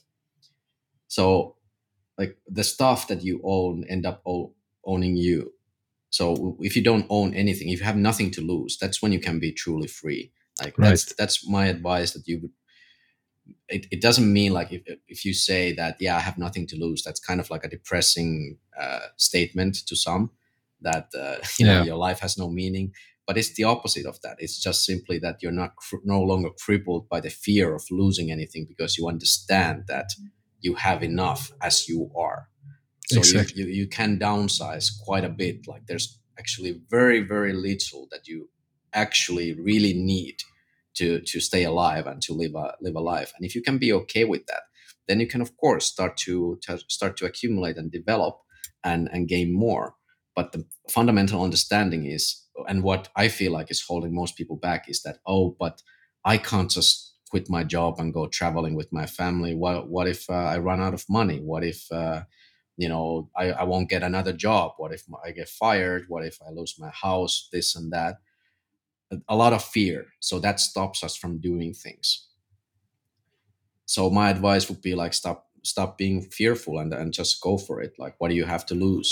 What do you really have to lose? Yeah. Bravery. Just be a little brave, I guess. yeah And be I, a uh, little bit reckless like i, I think it's Yeah. healthy to be a little bit reckless like uh, and t- just to touch touch the um you know touch the danger a little bit yeah, live on the Yeah. edge and and that was for me it was like once i fe- realized that okay i'm i'm okay at the edge like maybe Right. that's even my comfort zone but at least if you never try that you will never know Yeah. To be maybe like dance a little bit on the edge, right? You know, yeah push yourself there a little bit and get used to it, maybe. yeah see how it feels Yeah. You can always retract, you know, uh, Mm. if you if you need to. But uh, like you say, like uh, once you tasted that freedom or that uh, bec- uh, the, your roadmap towards becoming a freedom maximalist, I guess you never want to go back because this. Um, I'm sure you can look at this as a journey as well, right? You know, like uh, you're not the same as you were back then. There's so much that has changed. And I heard one person say, I think I forgot who it was, who was talking about like if you would lose everything, all your possessions tomorrow, do you have the skills or like the character to like um be- be able to survive or like you know get it all back or you know not necessarily material things but so i guess the focus would be to like to to build yourself up rather than try to accumulate a bunch of shit like right. accumulate stuff. And i think that's what we're doing you know we are we're buying for the sake of buying you know just buying lots of stuff. And it doesn't make us that happy you know. Buying shit we don't need. And I, like like you know we are we touched upon the um, austrian economics you know the high time preference the low time preference the you know the incentives that people the incentive models for people in different economic situations. And are they incentivized to save versus uh, consume? Are they in survival mode versus like um thinking more about the future and mm, uh, measuring their steps carefully it's pretty cool how Bitcoin uh, breeds this in people mm, towards this kind of freedom maximalist viewpoint. You see it with, um, or at, la- at least, yeah, we, we see it again and again. But people consume less, and their savings goes up at the same time, and so they have like uh more of a security net, which which allows them to maybe you know take that plunge and go travel or take that little risk because now they have like savings. Does so much for you. And also just in realizing how valuable your time is. So when i i've seen like bitcoiners manage to save up a good portion uh, they don't go spending on things. They rather spend it on having free time because now they value their time much more than they did prior to bitcoin. So it just like ins- just by being close to bitcoin it starts having these effects on you your character. It's uh, amazing to see it.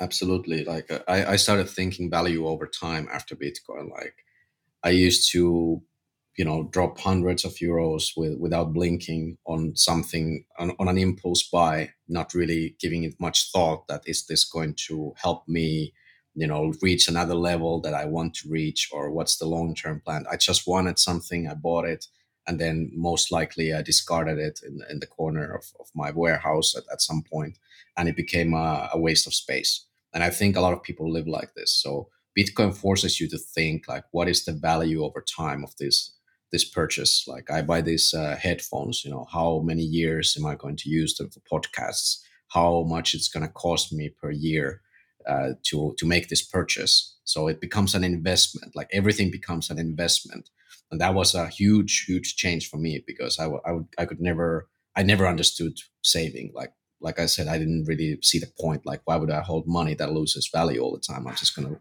spend it. And I didn't understand that, you know, investing in companies or real estate or any, any of that. I skipped that part of, of my life. But Bitcoin changed that for me. And I think a lot of people feel the same way. Like now suddenly it makes sense to save. It's not even investment necessarily. It's it's just simply holding on to your sats.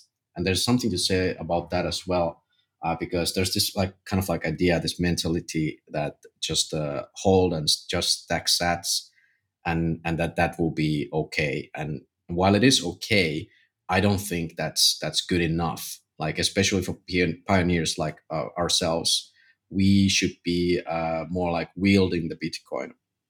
And what I mean by that is like making investments uh, that generate cash flow for you in the future for example, like the, the reason why I went into construction engineering and then later on I went to publishing, uh, it's not so much that, of course, I possess the, the correct skill set to excel in those fields, but it, it, I didn't choose those fields necessarily because I wanted to. It's it's more like a contingency plan. So th- those are both fields that have high Lindy effect. You know, there's always going to be buildings and there's always going to be books so no matter what happens, even if Bitcoin doesn't work out, I, I've I have accumulated the skill capital and uh, hopefully the reputational capital to be useful to people in any monetary standard to solve their problems. So my family right. never goes hungry. So I would say that's even more important. And and then uh, holding Bitcoin and saving in Bitcoin becomes a secondary thing. Like I don't think that's the main thing. I don't think it's good enough to go to a fiat shop and you know i have nothing against that strategy probably a great strategy for a lot of people if you have a good fiat shop you enjoy just saving bitcoin and, and you will probably be okay just be aware that you know it's not like a lottery it's not a sure thing that yeah you're, you're just bitcoin is going to go to 10 million and then you're going to be living off of the appreciation of your stack maybe that will happen but also maybe it does not happen so what then so then you have to have something that generates you cash flow so, right. so in that sense, I would say it's more important to accumulate the skill and reputational capital and build businesses, and then secondarily stack sats.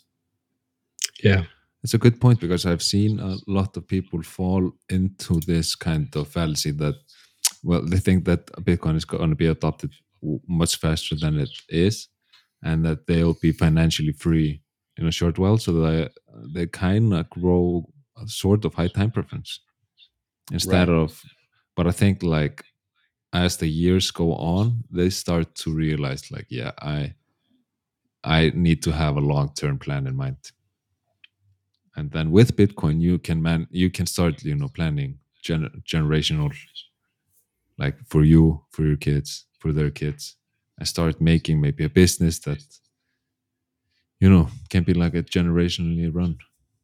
And and you know what a time to be alive and what a time to start bitcoin businesses or, or start working for bitcoin projects. Like no matter what your skill set is and, and whatever you like you will find uh, a project that you you can be useful for. That's a really good point. Right.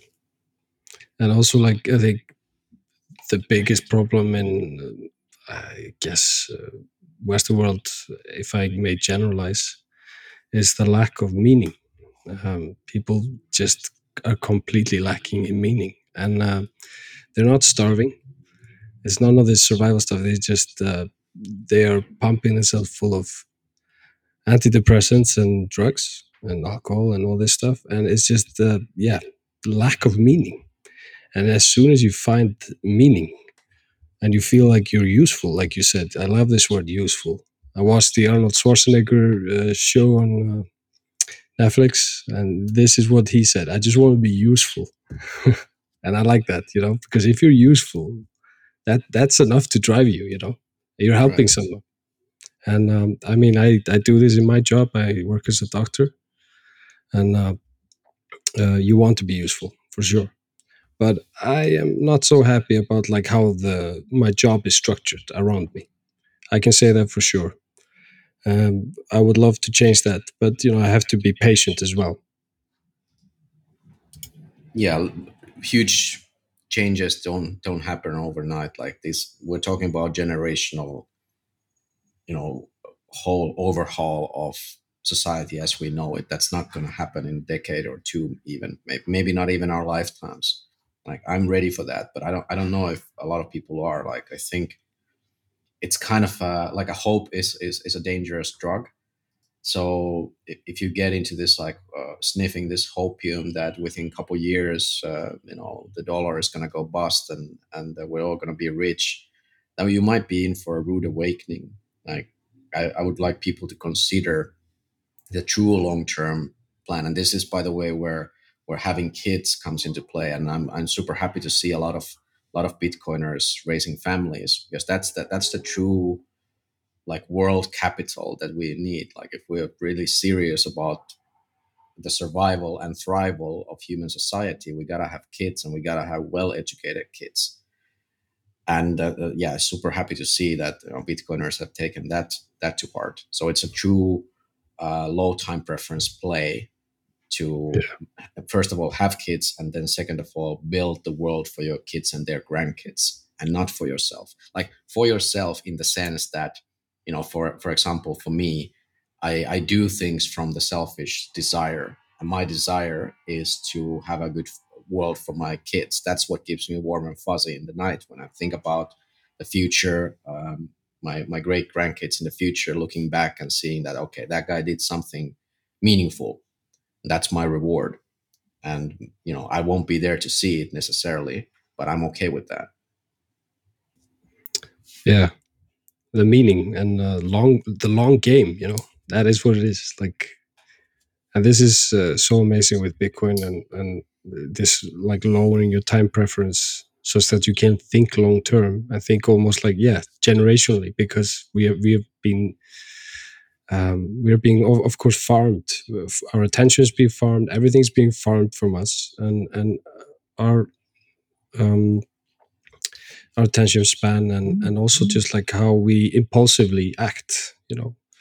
And uh, i think uh, this is definitely what changed me uh, when i discovered bitcoin and and everything that followed. We call that the rabbit hole. Um, but uh, it's which is i guess a reference to alice in wonderland it's just like a hole that you just keep falling down and it it, it, it has almost no bottom. You just keep going. And uh, there's always something new to discover. And uh, yeah it's it's wonderful to hear this because uh, that that people want to have uh, families again.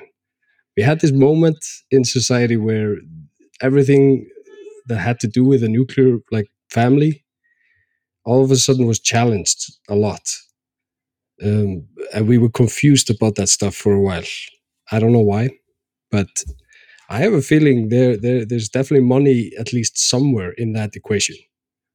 I I mean I, I might be going out on a limb there, but I think there's there's something about us how we the environment we were in that Oh, plays a part. absolutely. Like I, I used to think not that long ago um, that maybe it doesn't make sense to have kids. Like what's the point? You know like what what was like if i didn't have any incentive to save because i think that the world is going to shit i understand the impulse that you know why would i make kids in, into this forsaken world? And that's a very depressing thing. And i think a lot of people think think that way for one reason or another or just simply misguided selfishness that you know they're just here for once and they're just here for themselves and not going to make kids and then just uh, end their end their uh, million years of evolution with that decision it's kind of uh, mind-bogglingly terrible that that has happened to us as a society like you said like the nuclear family has been challenged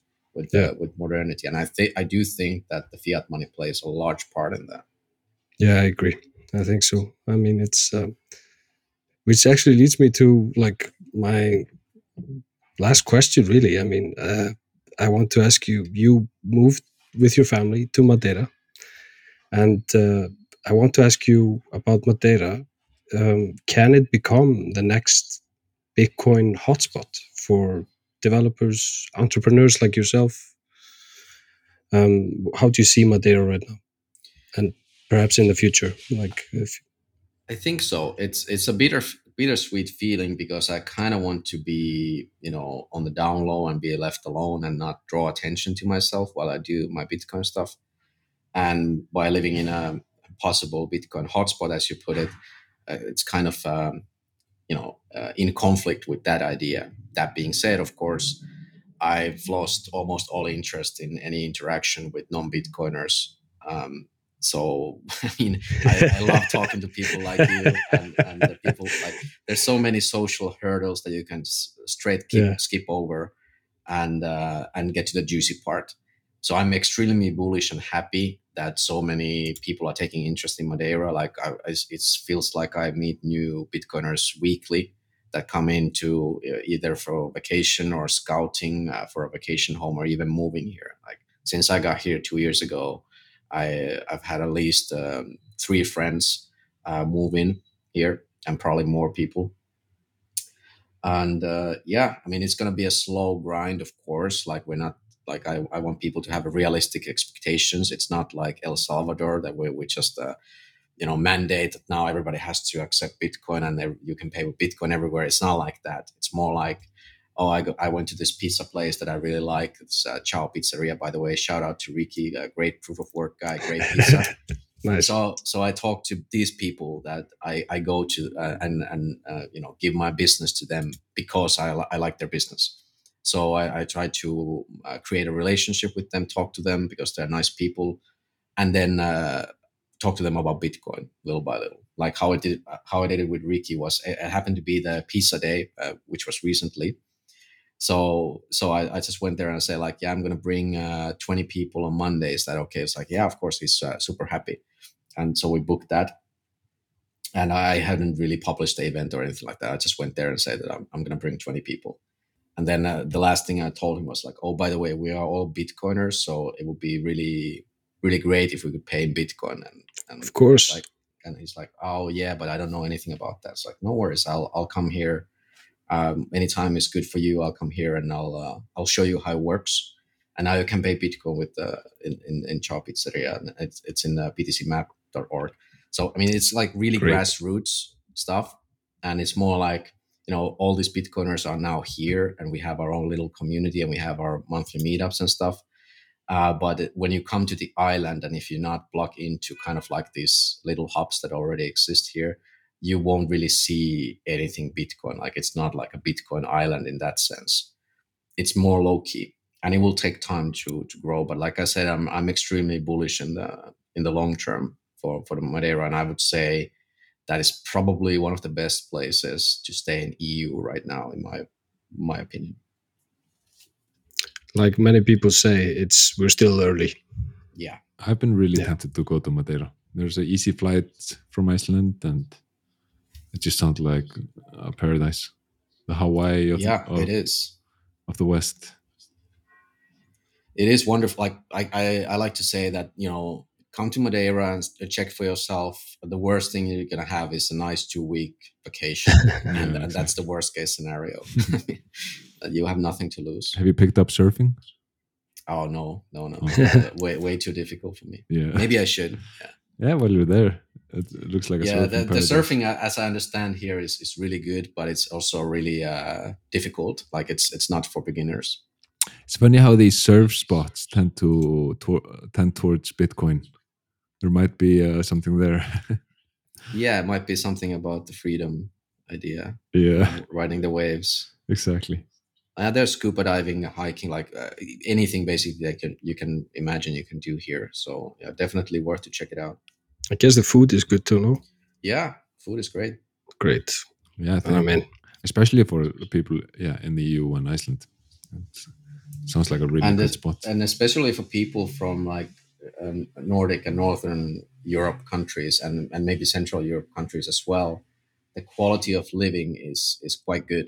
I mean, for the same budget that you spend in, in your country. Like for me, coming from Finland, uh, I got like a thirty percent lifestyle upgrade for the same budget. Um, so that's something to consider as well. And of course, the weather is, is great all year round. Yeah, yeah, I'm definitely definitely intrigued. Well, I have one last question. Um, you published uh, many great books and some of my personal favorites. Which, uh, so I'd like to know maybe which is your favorite out of out of the pub books that Konsensus has published. Oh, that's a tough one. Um, out of the books that we published, I um, I would say like there's different categories of book. It's difficult to pick one favorite. Like for example, praxeology would be my favorite in the Austrian category, and in that that it kind of replaces the Henry Hazlitt's Economics in One Lessons, Mhm. uh, and it's a Knut Svanholm book. So so that's a very uh, dear to me. I worked worked really hard on that with with Knut, and I'm really proud of that. So I would mention that definitely. I would also mention Anil's uh, Bitcoin Handbook, which is a complete different category of book. It's more like a reference book with all these concepts that are related to Bitcoin, uh, you know, such as uh, you know Gresham's law or uh, Jevons paradox and stuff like that. So you can just check what those things mean with a nice illustration, and it's a full color book. Yeah, Very Anil has the best illustrations. I mean, so so great. So so that's definitely on my favorite list. And then um, maybe as a wild card is uh, I, I want to mention that our latest release by Yoni Appleberg, uh, the, the the guy who makes uh, Knut Svanholm's these explainer videos, Of course. and and he wrote wrote this uh, abundance through scarcity, which is um, which was a really mammoth of a project. Like uh, I, I think in edit I, I cut like 200 pages of it, and it's still like 400 pages. oh it's, my a, it's a, it's a Wow. pretty pretty cool book.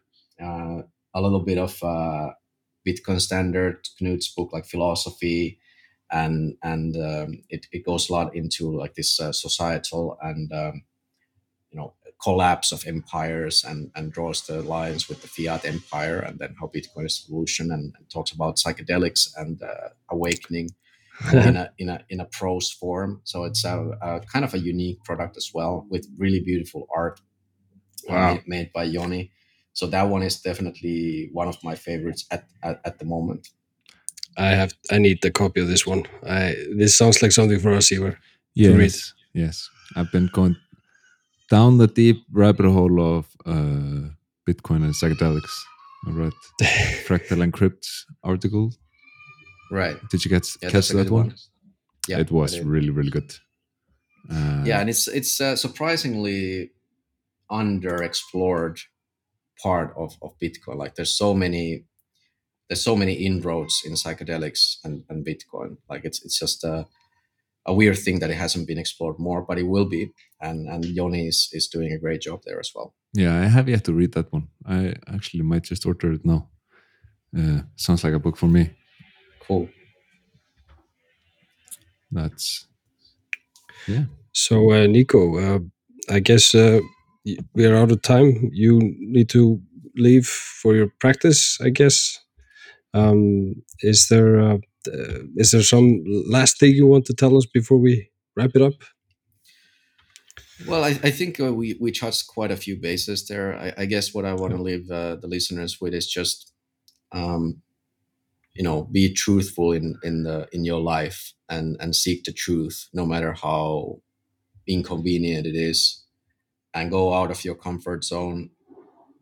You know, you're your worst enemy. You are the hmm. only one who is standing in the in the way of the liberation. Like you can always make these excuses that oh, but you know my boss or you know my family or this and that but in the end you're the one who is calling the shots in your life so make sure that you get uh, get your due and be useful be useful to people. And if you want to work on books uh, you know my pms are always open.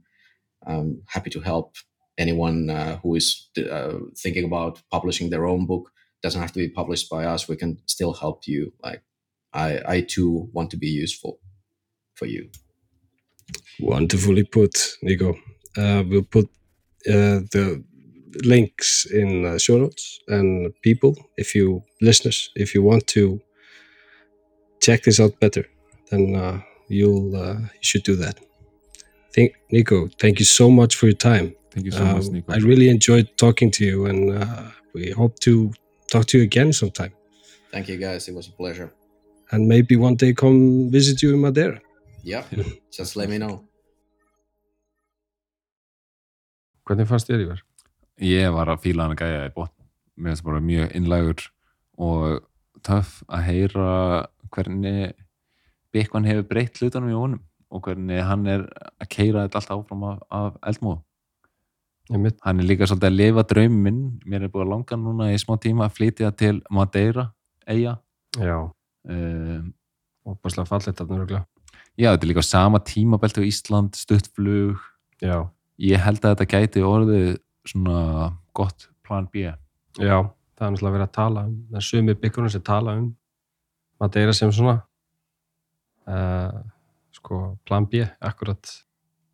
Um, en eins og hann sagði í viðtalinu að, að þá, þá er þú veist, ég spurði hann að hvort að Madeira geti orðið að svona Bitcoin hotspot og hann sagði náttúrulega að þetta er náttúrulega miklu um, um, hérna hóvarar en það skilur þeir eru ekki, það, þú sérði ekki einhverjar appisinu gula fána hérna út um allt skilur þú þú Einmitt. þarf að þekkja þetta er tildulega lítill hópur en þá af fólki, þetta er kannski svolítið fringe bara eins og hérna á Íslandi.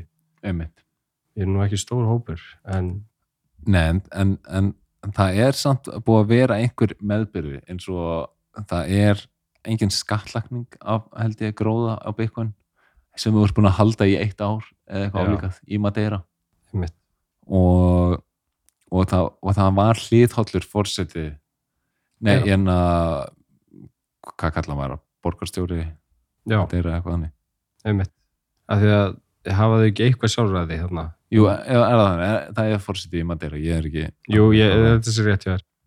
Um, þó þessu hluti af Portugal þá hérna Já, það er alveg fórseti að það er samt sko Evrópusambandslög eða þú veist, Einmitt. lögjöf Einmitt.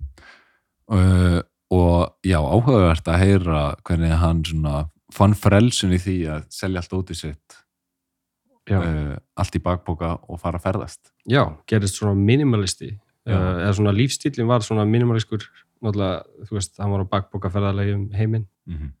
Og talaði um að, að hérna, einmitt, Fiat vinna væri að það sem að vann sem byggingaverkfræðingur Mhm. að hún væri svona hálfpartinn að hægt og rólega kæfa og murka úr húnum alla gleði, Einmitt fann að drekka mikið og svo leiðis, eins og kemur fyrir suma mm -hmm. og um, þetta var áður en að Bacon var eitthvað svona uppgötun hjá hann að þá hann fekk svona aðeins að að finna sko þessa frelsistilfingu og, og svo setna mér að tala um að Bacon hefði kikkað því í svona overdrive sko. Mhm. og uh, Já, áhugavert að hann sé komin eiginlega á þessar leið, bæði að selja allt út í sitt sem er svona eh, virðist vera væpið þegar fólk fyrir niður Bitcoin kannóluna, það byrjar svona að bæði að kaupa minna og selja óþarfa dó til að stafla fleiri sats. Mhm, en hann er einhvern veginn bú, búinn og síðan já, að átta sig á bara mikilvægi frelsis Já. og í gegnum það að nota pening sem þér er frjálst að halda og frjálst að senda hvert sem er þá svona byrjar þú að meta frelsi enda meira en hann einhvern veginn er komið niður alla þessa kannólu þegar Mhm. hann síðan finnur, finnur Bitcoin ég allan að byrja að detta niður einhverja svona kannuhólu þegar hann Já, finnur einmitt. og, og hérna já og svo þessi frumkvöla uh, uh, sko starfsemi, eða þú veist hann gerir frumkvöld þegar hann byrjar á því að að sko þýða, hvað var það bókina Knud Svanholm og uh, Bitcoin standardin mm -hmm. eftir safety hann Amos yfir á finsku og þá aðalega með það að, að þá hugsa hún að, að sko pappan sem að talar ekki ensku það vel sko, eða jafnir talar ekki ensku að hann geti lesið og skilið þetta konsept Já, og ég minna ég, ég tengi mjög vel við þetta því að það var í rauninni Bitcoin standardi sem að alveg kom mér yfir á sko Bitcoin vagnin það var það sama hér. Orange pillið sko. En það segir bara alltaf bara þú verður að lesa Bitcoin standard Já. Og, og svo bara þegar maður er búið með byggunstæðin þá heldur maður áfram, heldur boltin að rúla og þá fyrir að lesa meira og meira sko, af öðru dóti. Já. Ég, einmitt, eins og ég sagði við hann, pantaði bækur á Consensus Network mm -hmm. og fyrir einhver hlustandi sem hafi aldrei prófað að kaupa eitthvað fyrir Bitcoin á netinu þá mæli ég með Consensus Network sem svona fyrstu tilrauninni að því og það er alveg mag magnað að versla með Bitcoin á netinu því að áttaði bara á hversu ótrúlega öðvöld það er. svo ótrúlega auðvelt það er rétt, ég meina ég meina maður var enga stund að því og svo færðu þarna hjá honum þá færðu 10% Já, það var líka svolítið cool. Já, af því ég, ég kefti bækur í gær og pantaði nokkra bækur sem ég átti ekki og langaði að hafa. Mm. og borgaði bara fullt verð. En síðan aðeins eftir þá fæ ég tölvupúst Já. hérna eru 10% tilbaka. Einmitt. og ég skannaði QR-kóða þar, ég var með símanum þannig ég tók bara screenshot af QR-kóðanum Já. uploadaði honum í Wallet of Satoshi sem ég notar svona fyrir klinkfærslur. Mm, og þar byrtist það bara. Já, ég gera sama. Og það var mjög skemmtilegt. super easy. Og, og hérna núna mun ég nýta þetta í að sappa einhverja gæja á nastur algjörlega, sama hér. Ah, it's a good life.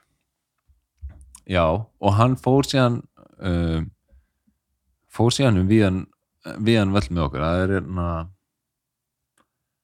já, líka að tala um sko, tungumálið, hvað það er. Náttúrulega mikilvægt, við náttúrulega erum að tala um það núna en, en hérna að hafa sko svona á tungumáli sem þú skilur. Já. það er náttúrulega bara mjög mikilvægt og hann talaði um flavor languages. Mm, að hérna, it's the language of your, of your soul sko, of your heart. Og, og, og ég er alveg hjartanlega samanlónum Mhm. með það. Uh, hérna, við erum að passa upp á tungumálið okkar, íslenskuna já, hún er, íslenskan er fallegt tungumál og, og eh, ef að bækur eru vel þýttar að þá, þá, þá veist, geta þeir í rauninni gefi fólki mikla gleði, held ég. Og ég mæli með ef þú ert að hlusta og ert með eldmóð í að hjálpa uh, Bitcoin innleðingu á Íslandi að þá, þá er þetta mjög gott tækifæri til að láta gott að leiða Já, ekki Eh. bara það heldur líka þú færð, þú færð alltaf sko reynsluna og uh, eins og hann talaði um já, Eh, og, og, og mögulega borgað líka og mögulega, þannig að það er mjög auðvelt að bara vera í sambandi við þá og þeir eru mjög opnir fyrir alls konar mm. þannig að bara endilega allavega skoða og ég veit að ég og Jón við ætlum að reyna svona gera okkar besta allavega að koma einhverju bók Já. yfir á íslensku. Það væri alveg bara ótrúlega skemmtilegt. Já, mér langar svo að taka hérna eina. Knut Svanholm bók af því að sko hún er svo hún er svo lítil og, og góð. Já, gott að byrja á henni held ég. Þannig að já, ég, ég held ég ráðist á hana árinni gleymi bara að nefna, last þú riðgerna sem var postuð á Bitcoin-byltingunum Telegram nú fyrir nokkrum dögum. Nei, ég hef ekki ennþá að lesa hana. Ég mæli með henni. Hún þarf er, ég þarf að lesa hana. Bangir sagði að þetta væri það besta sem hann hafi lesið á íslensku.